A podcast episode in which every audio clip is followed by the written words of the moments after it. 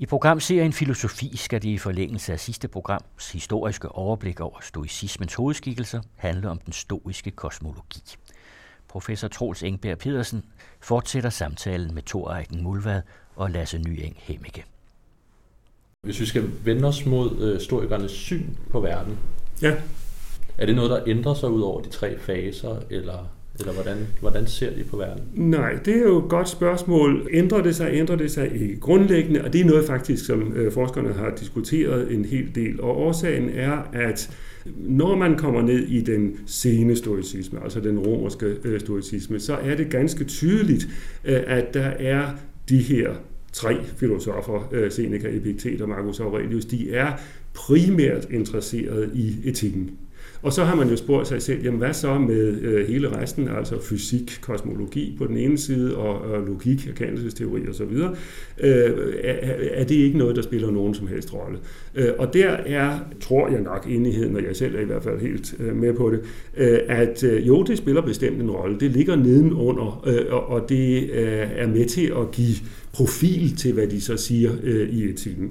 På den anden side, så er det faktisk sådan, at øh, om en af de her øh, mellemste øh, storykere, Panagios, der forlyder det, at han ikke troede på en bestemt øh, del af øh, deres kosmologi, noget med verdensbranden og sådan noget. Og så kan man spørge, nå du gode, jamen altså, hvordan kan man næsten droppe den, hvis man i øvrigt er stoiker og sådan noget. Men det, vi har ikke ret mange kilder til det, og derfor kan vi ikke rigtig finde ud af det. Jeg tror nok, grundlæggende skal man sige, at øh, det er sådan set et og det samme system, øh, udarbejdet øh, af Chrysippos, øh, som ligger nedenunder det hele. Og hvad er det så for et øh, øh, system? Øhm, ja, de sondrede øh, mellem tre discipliner inden for filosofien. Filosofien rummer fysik, som altså også rummer kosmologi, det er sådan set naturfilosofi i bred forstand, øhm, og så logik, øh, inklusive erkendelsesteori og noget med grammatik og sådan noget, og så øh, etik. Og der har de så en morsom overvejelse over, når, hvordan skal man så forstå forholdet mellem de her tre discipliner. Øh, Og der er nogle af dem, der siger, jo, men filosofi som helhed skal forstås som ligesom et dyr. Benene og musklerne, det er logikken. Kødet, det er etikken. Sjælen, det er fysikken. Okay, det er interessant det der med, at, at det er fysikken, der er sjælen, der ligesom altså sådan giver shape til det hele. Øh, Eller der er nogle andre, der siger, at man kan også sammenligne med et æg. Skallen, det er igen logikken. Viden, ja, den er jo også vigtig, det er etikken, men selvfølgelig fysikken, det er blommen. Ikke? Den er igen det centrale. Mm. Eller en tredje sammenligning der, øh, en, en frugtbar mark, siger de. Øh, Indhegningen, det er logikken. Afgrøden, hvad tror I det er? Det må være etikken. Det må være etikken, lige præcis, ja. Jorden derimod, som giver afgrøden, der der bærer det hele, ja, det er så fysikken. Øh, Så man, selvom der er altså forskellige, øh, jo sådan små søde øh, analogier der, så, så peger de sådan set i retning af, både at det hænger sammen, ikke kolossalt, det er jo en af den samme, altså et dyr eller et æg eller en mark osv., det er en af den samme ting, men også at ja, fysikken der, der er der altså noget som, eller hele det grundlæggende verdensbillede, der er der noget, som ligesom bærer alt andet. Og så har de også øh, en, en almen forestilling om, øh, om øh, filosofien, som adskiller det noget, må man sige, fra hvad man finder både hos Platon og Aristoteles. Og det er fordi, der er vi jo altså kommet herned i hellenistisk tid. På mange måder er hellenistisk tid vil jeg sige, højdepunktet inden for den græske øh, tænkning. Det var der, hvor man sådan set, altså man havde tænkt mange gode tanker hos Platon og Aristoteles, men nu skulle man ligesom til at systematisere dem. Øh, det- blev, filosofi blev næsten en teknisk øh, videnskab, men, men altså tanken om system øh, bliver formuleret der, og ikke kun inden for filosofien, øh, også inden for alle mulige andre discipliner. Øh, øh, det kan lægekunsten selvfølgelig, eller føre krig og sådan noget. Der, Ja. der vil de også systematisere det, øh, så det bliver en, en tekne, en, en, en virkelig øh, form for viden. Og Er, det, er det så noget, de har overtaget fra Aristoteles? Fordi Aristoteles er jo også meget systematisk i sin inddeling af de forskellige videnskaber, den praktiske, teoretiske. ja, Og er, er det noget, har de Altså, overtaget det- noget af den systematisering? Det har de helt bestemt, øh, når det kommer til, øh, hvad det er, så, så er, der skal udgøre systemet. Men selve tanken om systemet, øh, den er nu ikke så tydelig hos Aristoteles. Den er ikke ligesom øh, begrebsliggjort så stærkt hos ham, men, men, men det der med, med systemer, med et system, det er faktisk meget øh, meget klart. Og jeg har et citat her, som jeg øh, fandt øh, hos Cicero. Han, øh, Cicero er en romer der fra omkring øh, 50 før Kristus, som var meget vel, vel uddannet i øh, filosofi, og som skrev adskillige værker, hvor han fremlagde øh, hele den græske hellenistiske øh, filosofi øh, i de forskellige skoler og sådan noget. Og der er et sted her, et værk, der hedder de Finibus øh, i bog 3, hvor han øh, så siger følgende, jeg læser lige op her et, øh, bare et par linjer. Jeg har lavet mig lokke i min fremstilling af den beundringsværdige strukturelle sammenhæng i det historiske system og den utrolige orden i dens forskellige dele.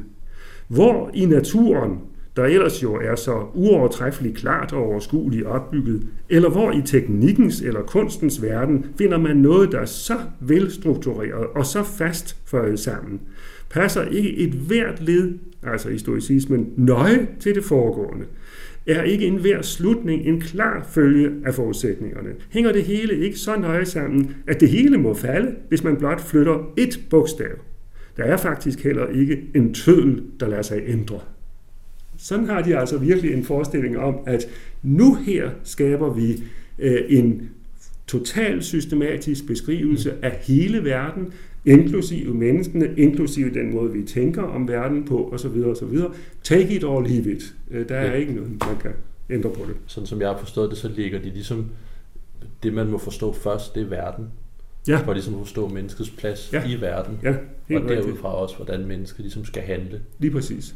Og det understreger jo netop også det der med, at øh, som vi så, ikke at sjælen er fysikken, blommen er fysikken, øh, jorden er fysikken. Det, det, er, det er verdensbilledet, inklusive mennesket, som så fører til, hvad man vil sige, øh, inden for de to andre discipliner, øh, logikken og etikken. Kan vi komme lidt ind på, lidt nærmere på, hvad, hvad deres naturfilosofi ligesom indebar? Ja, det kan vi da i allerhøjeste grad. Jeg synes, det første, man skal sige, er, som vi øh, også, som du nævnte, øh, at øh, naturfilosofien altså også handler om mennesket. For mennesket er jo selvfølgelig en del af naturen, det må vi jo anerkende, det er sådan set en god og interessant tanke at have med i baghovedet. Øh, så det er altså, vi må jo måske vant til at sige, nå jamen altså, øh, mennesker, dem snakker vi om et sted, og så snakker vi så om naturen et andet sted, men, men sådan er det altså ikke her, øh, og det, det er interessant i sig selv. Hvis man så skal gøre rede for, hvad er kernen i den stoiske forståelse af naturen som verden som helhed. Øh, så skal man have fat i øh, begrebet monisme. Det vil sige, at der er sådan set kun én ting, og det er hele verden. Øh, og den kan vi så begynde at dele op, og det er der, vi også kan sige, at så er der så også mennesker osv. Men det er helheden, de ønsker at beskrive. Og, og som de mener, altså man kan beskrive netop i et system, en sammenhængende øh, måde. Det er blevet udarbejdet jo mange forskellige steder, kan man sige, i forskningen, men også herhjemme i, i Danmark øh, af min egen øh, lærermester Johnny Christensen, øh, som var professor i klassisk filologi på Københavns Universitet, og som i 1962, der var han 32 eller sådan noget lignende, op, offentliggjorde en, sin doktordisputats, en, en lille bitte bog på 65 små sider, som hedder An Essay uh, in no, an essay on the unity of Stoic philosophy. Uh, altså essay on the unity of Stoic philosophy. Uh, og han argumenterer derfor på en for mig helt overbevisende måde, uh, at um, den her monisme, den øh, har stoikerne overtaget lige fra deres forgænger Aristoteles. Aristoteles han havde udarbejdet begrebet om en substans, altså en ting i verden. Og hvis man spurgte om, hvad er så substansen for Aristoteles, ja, så er det måske øh, species mennesket, øh, eller species øh, hesten, eller hvad det nu kan være. Det, det er sådan noget der. Øh, det, som stoikerne gør, så er så at sige, ja, okay, det er vigtigt med det der substansbegreb, men det går nu ikke med, med bare at, at tale sådan om det på den der aristoteliske manier, som sådan er halvplatonsk med noget idéagtigt noget, det her mennesket. Nej, der er kun én substans, og det er hele verden. Og den skal vi altså så beskrive sådan set lidt på den måde, som Aristoteles øh, beskrev de mange forskellige dele i, i verden. Ja, ja, de opererer ikke med entiteter. Nej, øh, ikke på den måde, ja, entities, det gør de måske sådan nok i en vis forstand.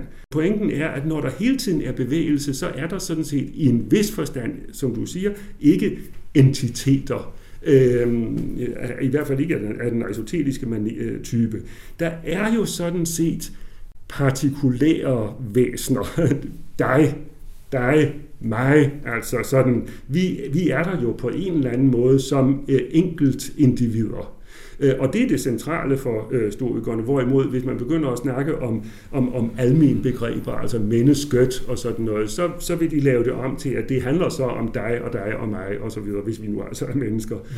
Men der skal man så også huske på, og det har du også rigtig fat i, at du, jeg og så videre, ja, vi er jo sådan set altså et, et, et individ nu, her og nu og sådan noget, men vi er jo også øh, stadig under forandring. Så siger de så, når man det der svarer til øh, Aristoteles' substanser, i hvert fald hvis man så placerer dem øh, på, på individniveauet, det er noget, som de kalder for henomena. Det betyder sammenbundetheder lige her og nu. Altså, du og jeg, vi er øh, lige nu, der er en eller anden særlig struktur af bevægelser og sådan noget, som holder sammen på os, sådan så når vi nu ser hinanden, så tror vi, at nå, der er der virkelig et individ, ikke sandt? Og det er sådan set jo også rigtigt nok, men det er kun, hvad skal vi sige, midlertidigt. Det er hele tiden, vi er hele tiden under øh, forandring og forvandling og øh, så videre og så videre. Man kan snakke om tilstanden Ja, det kan man jo godt, men det er tilstande, som, som hele tiden er i bevægelse. Det her dynamiske noget, der er jo, det kan vi jo se, altså der står et hus, okay, det bliver jo ved med at stå der, det falder forhåbentlig ikke ned og sådan noget. Det, nej, det er sådan en midlertidig tilstand, ikke? Men så ved vi jo også, at på et eller andet tidspunkt, så falder det jo ned. så, så, så bryder det jo sammen. Så der er altså sådan en indre en indre bevægelighed i det historiske øh, verdensbillede, som er virkelig fuldstændig forskellig fra øh, den øh, aristotelisk-platoniske måde at, at tænke om, øh, om verden på. Men det minder ikke på nogen måde om, jeg tænker på Aristoteles' procesbegreber som, som øh, aktualitet og potentialitet, hvor det er jo det er også nogle dynamiske procesbegreber at beskrive forandring ja, på. Det har du ret i. Øhm, det har du ret i. Altså, der er sådan set ikke øh, noget hos stoikerne, der fuldstændig øh, svarer til det der aristoteliske begrebspar. Men du har da ret i, at det er da noget af det, som hos Aristoteles måske peger mest i retning øh, af det stoiske. Man kan sige, hvis vi så spørger om lidt mere øh, præcist og konkret, jamen, hvordan er så øh, verden Mm, struktureret, bygget op for dem, øh, så vil de så sige, og det, der har de sådan set øh, forgængere hos Aristoteles og øh, Platon, øh, der er et aktivt princip i verden, og der er et materielt passivt øh, princip i verden. Og, og det er der, kan man sige, helt abstrakt. Der er noget, der virker på noget andet. Øh, men det er der så også øh, konkret, øh, fordi de forestiller sig, og det er der sådan set mange i antikken, der gjorde, at ja, hvordan er verden bygget op af? Ja, den er bygget op af fire grundelementer. Der er øh, vand og jord og luft og ild. Øh, og, og det udgør sådan set for stoikerne det, det, det passive princip. Det er materien i en vis forstand. Så er der jo altså også noget, som, øh, som virker på øh, de her fire elementer. Og det, det er noget øh, særligt, en særlig øh, sag, som øh, hedder pneuma eller, eller ånd, eller sådan noget, øh, som, som så øh, er aktivt i forhold til øh, de fire elementer, og er det, der øh, former dem og, og, og gør, at de nu pludselig, de her fire elementer, er blevet til et hus eller et menneske, eller hvad det nu kan være. Men så skal man så spørge sig selv om, hvordan forstår man så øh, den her pneuma? Er den noget immaterielt, ikke materielt. Det ville det jo være, hvis, det, hvis man var øh, platoniker eller aristoteliker, så ville der være sådan en, en logos, som, som, som er immateriel og som jo styrer og former sådan på en eller anden ikke nemt forståelig måde. Men, men øh, hos stoikerne er pneumaen, som i en vis forstand også er logos, fornuften osv., pneumaen er i sig selv materiel den er, siger de, en blanding af luft og ild. Og hvorfor skal den nu være det? Ja, det er noget med, at den skal netop kunne gennemtrænge alt i verden, og så forme det, skabe det til den øh, mere eller mindre stabile øh, struktur, som det har øh, lige nu. Men det er altså for så vidt øh, stadigvæk øh, foranderligt.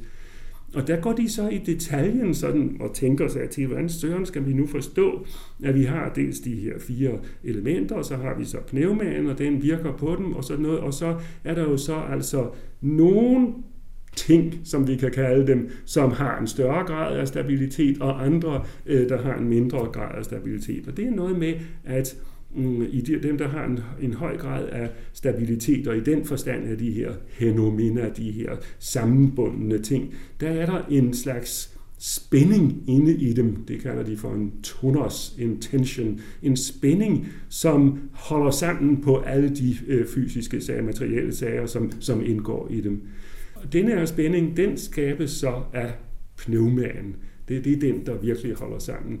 Øh, men, men stadigvæk gælder det altså, for det, det er en monistisk tænkning om hele verden, at okay, der er den her spænding nu, som holder sammen på en del deltingene i verden, men de vil løses op, øh, de her spændinger, og, og, og deltingene vi vil forgå, ikke sandt, og så blive en del af den større verden, som i sig selv jo altså holdes sammen af den her spænding, også som pneumaen eksekverer.